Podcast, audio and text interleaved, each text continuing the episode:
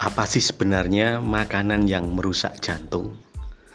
Sebenarnya makanan yang merusak jantung itu bukan sate, bukan gulai, bukan jeruan dan lain-lain. Jadi makanan yang merusak jantung adalah ketika kamu makan di warung bersama cewek kamu itu ketahuan istri ya itu jadinya makanan yang merusak jantung